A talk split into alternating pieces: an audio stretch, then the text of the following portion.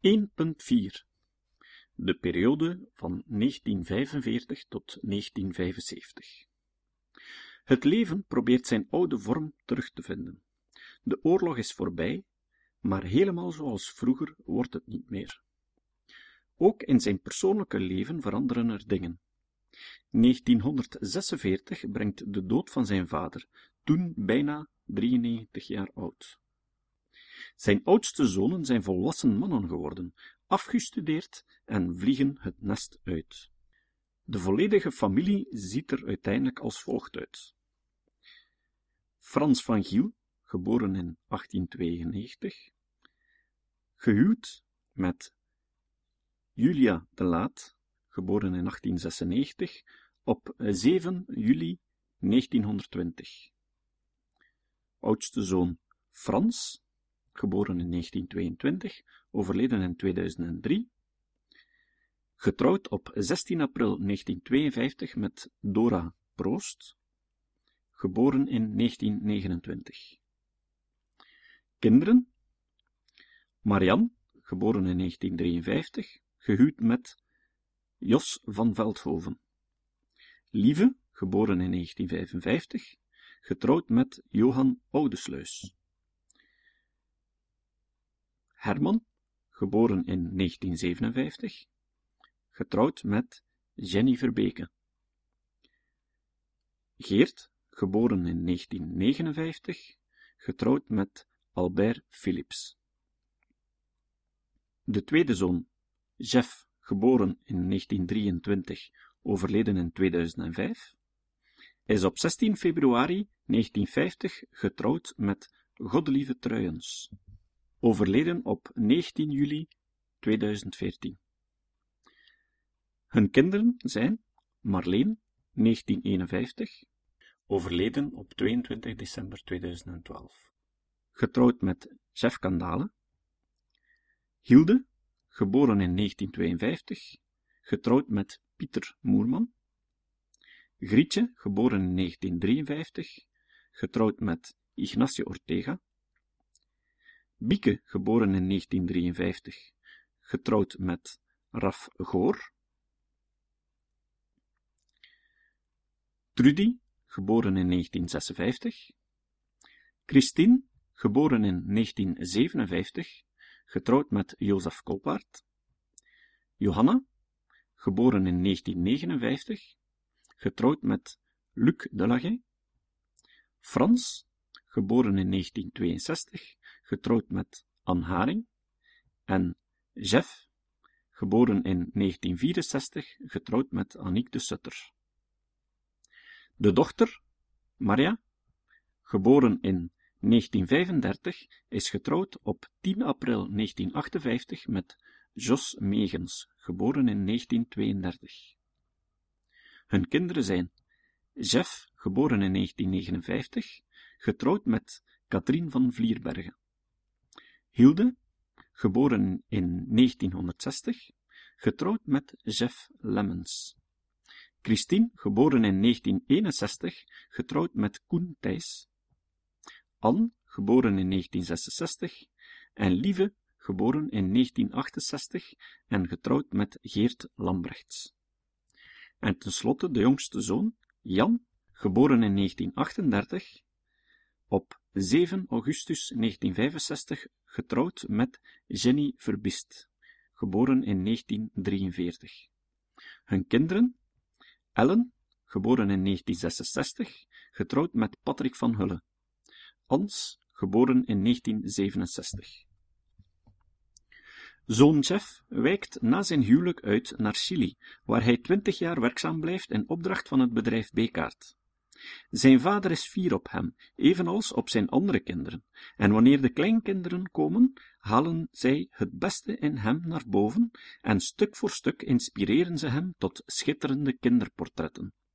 In hun ogen straalden zoveel hoop en verwachting, door hen kreeg zijn leven weer een nieuwe impuls, een drive die niet te stuiten was. Met een ijzeren discipline trok hij iedere morgen naar zijn atelier, waar hij, ondanks het grote atelierraam, noordelijk gericht om het witte, meest stabiele licht te kunnen opvangen, toch maar niet tevreden raakte over de lichtinval, en hoe hij met doeken en gordijnen het licht trachtte te temperen, te manipuleren, tot hij het besluit nam een nieuw atelier te bouwen. Eigenhandig trok hij achteraan in de tuin een gebouw op met twee kleine ramen, maar met veel liggend glas. In het dak zowat naar het model van het atelier van de Franse impressionistische schilder Auguste Renoir in Essois, een stadje in de Champagne. In 1951 wordt Frans van Giel gehuldigd en gevierd in zijn geboortedorp Oostmalle en krijgt hij er de titel van ereburger. Zijn werk, de struikentrekkers, schonk hij als blijk van dankbaarheid aan de gemeente en het hangt nog steeds in de raadzaal van het oud gemeentehuis. Het leven gaat rustig aan hem voorbij. De drukte, eigen aan een jong gezin met veel noden en een hoog financieel plaatje, was verleden tijd. Nu werd het schilderen louter passie. Hij trok geregeld naar Trolleken in Lille, naar het huisje van de zeeldraaier, waarvan de touwslagerij in Bokrijk belandde, plekken waar de Kempen nog was zoals in zijn verste herinneringen. Ook in de Perenboom, een typisch Vlaams café op Achterlee, had zijn hart gestolen. Van daaruit zwierf hij over de velden en snoof hij het landschap op. Velden vol graan of rogge, het hooiland of de hoppenvelden. Verderop kwam hij bij de berken, de zaailingen en de heide, die toen al volop aan het krimpen was. Eens gezeten bij een helder glas en nagenietend van al dat Kempens moois, gebeurde het wel eens dat de jonge café-uitbaatster zei: Gij let wel eens even op de kleine, hé? En ze de kinderwagen bij hem in het café achterliet voor een of ander dringend werk. Frans van Giel was lid van de kunstkring Het Getij, die geregeld tentoonstellingen organiseerde. In 1951 zette zij een prestigieuze groepstentoonstelling op touw in Sertogenbos onder de titel De kunstenaar en zijn wereld. Ook Gustave C. de Bruyne, geboren in 1914, overleden in 1981, de schilder die vanaf 1962 veel en vanaf 1972 volledig in Poederlee woonde, was lid van deze kunstkring en nam ook deel aan de opdracht.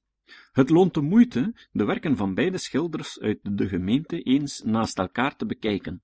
Ze zijn niet te vergelijken en hun kijk op kunstenaar en wereld is dan ook totaal verschillend. De bedoeling van het werk was een uitdrukking te geven aan hoe de kunstenaar de wereld, zijn wereld, de omringende wereld ervoer en beleefde. In beide werken zien we een totaal andere benadering van het leven, de maatschappij, de plaats van de kunstenaar in de wereld. Gustave de Bruyne schildert een zelfportret als blinde schilder, die met zijn vrouw in het atelier zit, met aan hun voeten een poes en een vaas op de achtergrond. Links een blik op het verleden, aftakelende gezichten met een doodshoofd en rechts een visionair beeld van de toekomst, hoge gebouwen en een krioelende mensenmassa. De schilder staat centraal in het doek en mat het leven aan zichzelf. Hij staat op het snijpunt van het verleden en van wat komen gaat. Vredig en gelaten met de vruchten van de arbeid in de schoot, laat hij de dingen gebeuren, ongeschoeid neemt hij er niet aan deel. Het mysterie van het leven, van leven en van dood, voltrekt zich. Intussen vergaat zijn leven met een eigen droom. De nacht van de chaos tot uw eigen macht te temmen. Het werk van Frans van Giel geeft een andere kijk. Het typeert de schilder ten voeten uit. Hij trok naar Averbode en het wijdse vergezicht gaf hem de inspiratie tot dit werk. De dorpen tussen de akkers en weilanden, de vredig ongeschonden natuur, dat was zijn wereld, dat maakt hem zelfs gelukkig. Als de volheid van de zomer bereikt is, lacht de zon op een gelukkige wereld, op de gelukkige mensen, zoals Van Hemeldonk dit werk becommentarieerde. Op de voorgrond zitten enkele rustende mensen even pauserend bij het intensieve, maar o zoveel voldoening gevend werk van het oogsten. De mens in zijn natuur, een samenwerking, een wisselwerking, en dan, helemaal links, de schilder, weggedrukt in het hoekje, die alles observeert en weergeeft, bijna onopgemerkt, bijna stiekem mee genietend. De schilder is erbij, hij hoort erbij, maar helemaal niet zoals de renaissance-schilder die ook op zijn doek aanwezig was en zelfbewust de toeschouwer in de ogen keek, de aandacht opeisend die hij verdiende. Nee, hier draait de schilder zijn gezicht naar het landschap. De toeschouwer moet hem niet zien, maar wel wat hij zag. Zichzelf nederig afbeeldend, wachtte hij het enorme landschap te vatten op een blaadje papier en later binnen het kader van een doek. In 1962 onderneemt Frans van Giel de reis van zijn leven. Hij bezoekt zijn zoon en familie in Chili. Doordat Jeff thuis met zoveel geestdrift over dat land vertelde, het Andesgebergte, de talrijke meren, de rivieren en watervallen, maar ook de autochtone bevolking die in deze meedogenloze natuur kon overleven, raken de ouders ook enthousiast. Misschien kon die nieuwe wereld vol zon en schoonheid wel een nieuwe inspiratiebron zijn. En Frans, 70 jaar, en zijn vrouw 66 jaar, vertrokken naar Concepción, hoofdstad van de regio Arauco in Chili, in 1962. Drie maanden verbleven ze er. Hij schreef in zijn reisverslag: Drie maanden uitstappen langs de stille oceaan, de Cordilleras en veertien dagen kamperen in de wilde natuur bij het meer van Icalma, aan de grens met Argentinië. Hij deed na enige weken een vaststelling. Conception en omgeving, en zijn levenswijze, vertoont vele aanknopingspunten met onze oude Kempen arme boerkens, begankenissen, Jumbel. Te vergelijken met Scherpenheuvel van vroeger, vele ruiters te paard, zelfs met vrouw en kinderen erop. Op het land, Kempische boerkes van de jaren 1900 en vroeger, die in zelfgebouwde hutten wonen. Op een klein stukje grond winnen ze dan toch wat tarwe, maïs en zonnebloemen voor eigen levensonderhoud. Ze bewaken het vee van de grondbezitters brengen per ossenwagen wat groenten, fruit en eieren naar de markt. Buitengewoon goed fruit, appels, peren, meloenen, perziken, pompoenen van dertig kilo, en dan de schattige kinderen in lompen met zwart krulhaar in de zon. Het zijn echte Murillos. Leven Chili! Hij herkende de Kempen uit zijn kinderjaren in het leven op het Chileense platteland. Jeff schrijft over deze periode Schilderen deed hij er niet veel. Wel maakte hij een syntheseschilderij, met boer en boerin te paard, achteraan de hoge bergen en meren en een verschroeide rode aarde. Hij zegde me dat de kleuren er anders zijn. De zon staat hoger, de schaduwen korter. Men moet er zich aan wennen, wil men schilderen bij dat andere licht. Hij tekende er wel veel en legde een album van tekeningen over Chili. In dit Zuid-Amerikaanse landschap situeerde de schilder het eeuwige gebeuren, de vlucht naar Egypte. Er zijn overal moeders en hun eeuwige zorg geldt dezelfde kinderen. Op zoek naar veiligheid en een toekomst voor hun kinderen. Het zijn drijfveren die velen tot de dag van vandaag tot actie doen overgaan. Ver van huis en land bloeiden de thema's open in een andere omgeving en gewijzigde gestalte. Maar eens weer thuis was het opnieuw zijn Kempen die de doeken vulde. Zijn mensen van toen en nu, die de kern van zijn te schilderen verhaal bleven. Chili was weliswaar een belevenis geweest. Hij had honderden dia's gemaakt, want hij was van plan om, eens terug in België, lezingen te gaan houden over dat Chileense avontuur. Hij gaf inderdaad een reeks voordrachten voor het Davidsfonds en andere groeperingen in het dorp. Hij trachtte in zijn verhaal iets van die overweldigende natuur mee te geven, want die had hem tot in zijn ziel getroffen. Dat verduidelijkt ook de volgende anekdote. Toen hij op een van de ritten door de woeste natuur een gigantische eik opmerkte, eenzaam in een open vlakte met op de achtergrond de Cordilleras de los Andes, deed hij teken om even te stoppen en de auto aan de kant te zetten.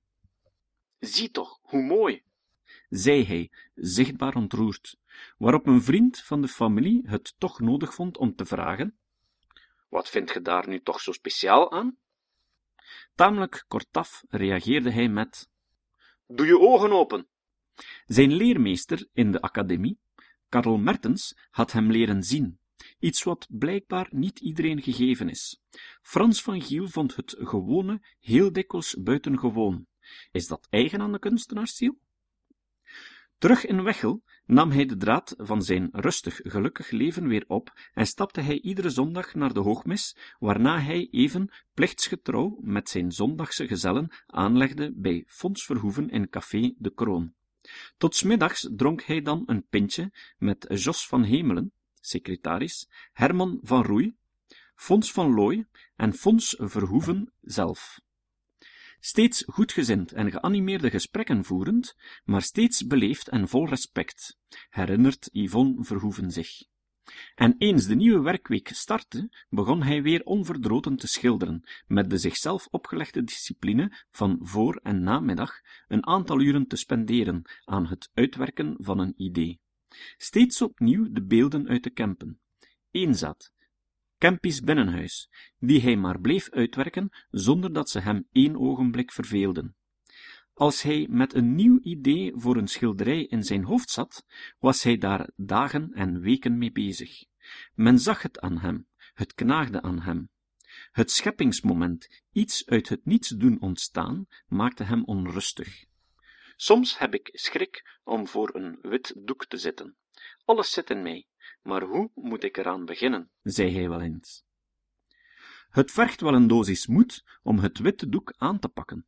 Een moment van stilte in een rumoerige wereld, een confrontatie, een creatief moment voor een gedeelte omgeving en tegelijk een stuk dat eraan ontsnapt. Volgens Paul Smolders, adept van Frans van Giel en later vriend des huizes, zit de spanning in de verwondering. Een kind ziet alle dingen met voortdurend nieuwe verwondering. De herhaling van het zien en het voelen maakt de ontroering bij de volwassene moeilijker. De artiest tracht te blijven kijken met de ogen van een kind. Dat geboeid stilstaan bij iets of iemand moet dan zo intens mogelijk neergezet worden in lijnen, vormen en kleuren. Die spanning tussen creatie en technische prestaties kon hem kregelig maken. Tekenen, weergeven wat hij rondom zich zag, was voor hem als ademen, onlosmakelijk verbonden met zijn bestaan. Met enkele lijnen en veel weglaten de essentie weergeven. Hij kreeg er nooit genoeg van. Dat betekende echter niet dat het een automatisme was, want de lijn die men ziet is nooit beter dan die men bedoelde. Men moet rekenen op zo weinig mogelijk pech, want een lijn is kwetsbaar. Jean Cocteau zei daarover La ligne est toujours en danger de mort. De melodie van de lijn, noemt Harold van de Perre het.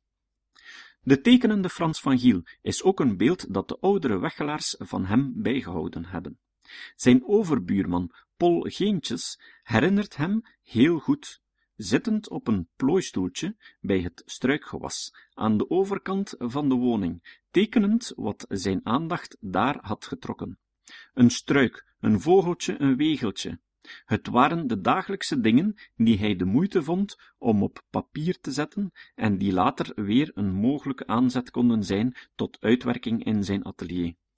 Altijd was daar weer die drang om te schetsen, te uiten wat hem boeide, die drang om alweer zichzelf te overtreffen, waarover V. Doevenspek reeds zei, een kunstwerk ontstaat meer uit verlangen dan uit bezit. De belofte om steeds beter te doen was een onderliggende emotie. Frans van Giel blijft schilderen, maar soms was hij leeg gewerkt. Nu ben ik uitgeschilderd, zei hij, en dan ging hij timmeren. Hij maakte zijn eigen kaders in alle formaten. In de vooroorlogsperiode had hij daarvoor een schrijnwerker aangesproken, Karel Nijs, maar toen die Wechel verlaten had, maakte hij ze zelf. Niet voor al zijn werk, want de topstukken gunde hij een kader belegd met bladgoud. Hij timmerde ook huisraad, meubilair, zelfs een eerste huwelijksuitzet voor zijn zoon Jeff, stoelen, tafel, kast. Hij was handig, en ook in die scheppende creatie vond hij dan een hele tijd voldoening. Het was ontspannend tot de drang naar zijn potloden en schilderskwasten hem weer te machtig werd. Hij begon opnieuw te schilderen, te verkopen, op te stapelen, rustig en stil bezig te zijn in de beslotenheid van het atelier, waarin hij ieder jaar de Wechelse schoolkinderen ontving onder begeleiding van meester Jules van Olmen. Bij sommige kinderen is het bezoek bijgebleven. Het was voor hen ook niet alledaags om op bezoek te gaan bij een wat vreemde man met wat langer wit haar, die op een stille manier hen wilde tonen hoe een schilderij tot stand kwam. Luisteren en overal afblijven was een opgave. De geur van verf, lijm, hout was vreemd. Op zo'n bezoek vroeg Jules de schilder naar de kostprijs van het schilderij waaraan hij toen werkte. Het betrof rozenkransgebed, momenteel in het bezit van de gemeente Lille en te bezichtigen in de trouwzaal van Hof Dentere, waarop de schilder antwoordde, ik moet er toch een jaar kunnen van leven. De werken van Van Giel waren duur, portretten zeer duur, en dit bleef zolang hij leefde. Ondanks dat hij een man was van weinig woorden, was hij wel zelfbewust van zijn kunnen. Van Giel had naam en faam. Zijn werk was goed en wie het kon betalen, wilde dan ook een Van Giel in zijn huis. Ondanks dat hij er niet de man naar was, veel drukte rond zijn werk te maken, lag het toch goed in de markt. Klinkt dit pejoratief?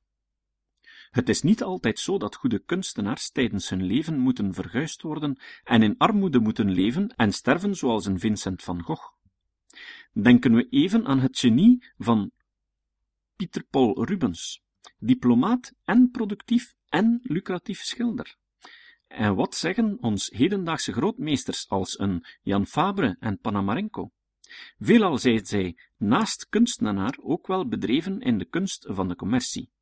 Het ene sluit het andere niet uit, maar het economisch aspect van de kunst werd lange tijd verdonkermaand. Tussen 1880, toen de kunst als academische discipline ontstond, en 1980 was er nauwelijks aandacht voor. Men vond dat kunst ver verheven was boven alledaagse financiële beslommeringen.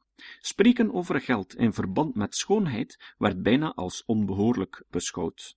Frans van Giel leefde in die eeuw, waarin kunst boven het slijk der aarde moest staan en dat geldzaken niet zo openbaar werden gevoerd.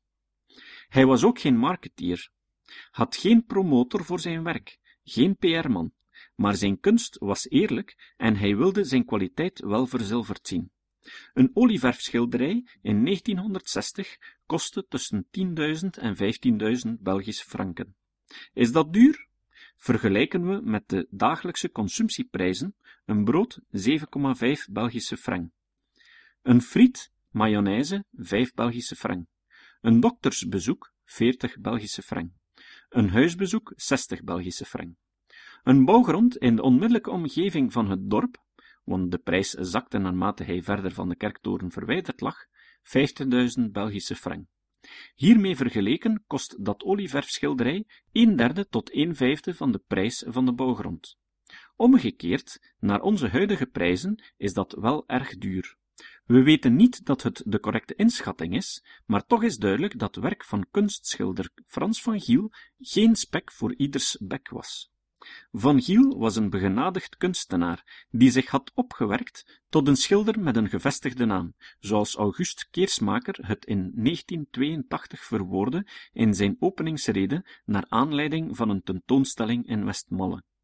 Volgens Ronald Luiten uit de Kunstkamer in Herentals ligt het werk nu wel minder in de markt. De reden ligt waarschijnlijk in de algemene trend dat het onderwerp van zijn schilderijen niet meer zo aanspreekt bij de jonge mens van vandaag. Hedendaags werk in een hedendaagse architectuur is meer populair. Frans van Giel was een man van weinig woorden. Hij was eerder een stille genieter en had geen grote theorieën over zijn werk te vertellen. Wie zei ook weer: Praat niet te veel over je werk, anders heb je niets meer te zeggen als je schildert. Volgens Paul Smolders moet je oppassen met wat schilders zeggen over hun werk. Ofwel zijn het onvervulde wensdromen, ofwel zijn het pogingen om u dingen te doen zien die er eigenlijk niet zijn. Daarop kon je Frans van Giel niet betrappen. Hij deelt mee wat hij wil meedelen, door vorm en kleur, en zijn enige toelichting bij het werk waren antwoorden op vragen hoe de compositie in elkaar zat en het werk moest ondersteunen. Hij was een eerder zwijgzame man, en dat zal nog toenemen na de dramatische gebeurtenis in zijn leven in Casus 14 november 1969. Er heerst een blijde sfeer in huizen de Kapmantel in die dagen, want zo'n Jeff, nog steeds werkzaam in Chili, kwam een bezoek brengen aan zijn ouders. Wilde nu het toeval dat op de dag van zijn aankomst in Zaventem vader Frans betrokken was bij de huldiging van de directeur van de Hoogstraatse veiling, die te dier gelegenheid een portret werd aangeboden van de hand van Frans van Giel, en zodoende was hij een van de genodigden van de viering. Twee aangename gebeurtenissen. Frans van Giel ging naar de viering en zijn vrouw trok naar Zaventem. Goed op tijd, want ze wilde het vliegtuig zien landen en haar zoon met geestdrift toezwaaien. En dan, al wachtende, met een lichte nervositeit voor het blijde weerzien, zakt ze in elkaar. Onmiddellijk is alle hulp daar. Het vliegtuig is geland en Jeff wordt al op de hoogte gebracht dat er iets ernstig aan de hand is met zijn moeder. Er kan geen hulp meer baten en vooraleer Jeff haar heeft kunnen bereiken, overlijdt ze in de luchthaven. Van een anticlimax gesproken. Wat een feest zou zijn, veranderde in een nachtmerrie. Jeff kwam naar Wechelderzande uit het verre Chili om zijn moeder te begraven. Dit plotselinge overlijden heeft mijn vader nooit kunnen verwerken, zegde hij hierover. Hij werd er nog wat zwijgzamer door, en ook wat eenzamer. Het gedachtenisprentje was een tekening van Frans van Giel, namelijk de graflegging van Jezus. Van Giel laat typische Kempenaars op klompen in groot verdriet het dode lichaam van Jezus ten grave dragen, in wiens dode lichaam elke dode wordt gesymboliseerd. Zonder veel omhaal van woorden, sober in zijn doen, draagt de Kempense mens zijn kruis. De dood behoort het leven en elke mens krijgt ooit dat verlies en verdriet te dragen. Religieuze onderwerpen in een Kempens kader geplaatst zijn een van zijn sterke thema's. Het onderwerp verlaat als het ware het Bijbelboek en wordt deel van ons eigen dagelijkse leven. De toeschouwer wordt meer betrokken en neemt deel aan het voorgestelde. Frans van Giel bleef die Kempenaar uitbeelden zoals hij hem gekend had in zijn jeugd en in zijn jonge jaren, maar die niet meer in dezelfde hoedanigheid te vinden was in de zestiger jaren. Mensen liepen ook in Wechel niet meer op klompen. Hun woning en bezigheden waren totaal veranderd, en Van Giel zag natuurlijk hoe de technologische evolutie meer en meer de omgeving aantastte. Hij wist heel goed dat het nooit meer zou worden zoals het was geweest. Hij zag niet alleen zijn streek veranderen, maar ook de mens zelf. De devotie en de eenvoud van de stille Kempenaar, gesymboliseerd in de hardwerkende keuterboer, waren toen, veertig jaar geleden, al grotendeels verdwenen. Toch wil hij de Kempense geest, die feitelijk onherroepelijk tot het verleden behoorde, vasthouden en bestendigen door hem trouw in zijn onderwerpen uit te werken. Is het nostalgie of heimwee die niet overgaat? In 1970 wordt Frans van Giel 78 jaar. Onder de titel Als de ziel luistert brengt Kerk en Leven een hulde aan de jarige en onder de initialen FD lezen we Frans van Giel zit als een rijpe vrucht in het herfstlicht. Hij schildert bij voorkeur zijn Kempische mensen. Altijd waren zijn mensen rustig, verzoend met wat het leven bood, vertrouwend op Gods liefde die in hen was. Zo is Frans van Giel geworden. Hij is nu zijn eigen schilderijen geworden. Ter gelegenheid van die verjaardag verscheen er een prachtig boek, Frans van Giel en de Kempen, met teksten van Emiel van Hemeldonk. Paul Hardy noemde het werk in Kunst en Cultuur een bijlage in de standaard. Literaire lof voor een plastische kunstenaar, een moment voor Frans van Giel. Zelf stond hij erop dat op de eerste pagina een mooie kleurenreproductie stond van zijn vrouw, Julia de Laat. Als jonge, aantrekkelijke vrouw met de opdracht Dank aan mijn dierbare vrouw en kinderen, vijftig jaar mijn steun en mijn kracht. Jammerlijk heeft zij de voltooiing van het boek niet meer kunnen meemaken. Ze stierf een jaar voor het verschijnen ervan. Dat verlies maakte hem nog stiller. In januari 1975 werd hij ziek en overgebracht naar het ziekenhuis in Geel. Hij bleef moedig en dacht om nog naar huis te kunnen om verder te werken, want hij beschouwde zijn werk nog als onvoltooid. Zolang hij ogen heeft om te zien en handen om te tekenen en te schilderen, is het einddoel niet bereikt. Zei Paul Smolders ooit over zichzelf, maar is toepasbaar op elke kunstenaar. Voor de gasthuiszuster, die hem verzorgde, tekende hij de voetwassing, geïnspireerd op zijn verzorging. Zijn laatste tekening van op zijn ziekbed in het ziekenhuis, dat hij niet meer zou verlaten, was een ekster die uit een ei brak, een hachelijke en moeizame onderneming. Het was een metafoor voor zijn drang tot verlossing uit het ziekbed. De tekening bleef onaf, maar het hulpeloze van die en dus ook van zijn situatie is sprekend weergegeven. Hij bleef tekenen tot op het laatste ogenblik. 7 april 1975. Hij wordt begraven in Wechelderzande op een boogschut van zijn woning. Het gedachtenisprentje was sober maar aangrijpend. Een pieta vertolkte de gevoelens van verdriet van zijn kinderen en kleinkinderen, maar vermits hij het werk zelf geschilderd heeft in 1940, heeft hij er een universeel iets van gemaakt. Het leed van elke mens.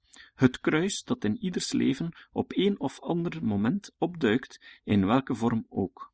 In de Kempense vrouw, in zware kapmantel, met de doornkroon in de handen, symbool van pijn en smart, staande aan de voet van het kruis, is de tragedie van alle moeders, van ieder mens uitgebeeld. 1940. Oorlogssituatie, periode bij uitstek van pijn en verlies. Maar het schitterende licht achter haar brengt het licht in de duisternis van het verdriet. Frans van Giel was een gelovig en hoopvol man. Twee jaar later, 1977, zal Oostmalle hem gedenken door een straat naar hem te noemen. Een zijstraat van de Merksplasse Steenweg. In 1979 werd er een retrospectieve gehouden in het kader van de Wechelse kasteelfeesten. Huldigingen naar aanleiding van het 110e geboortejaar in 2002 in Herentals en andere tentoonstellingen zullen nog meermaals plaatsvinden. Onder andere een tentoonstelling in Wechelderzande, naar aanleiding van de publicatie van het artikel in JB 26 2008 van H.K. Norbert de Vreiter.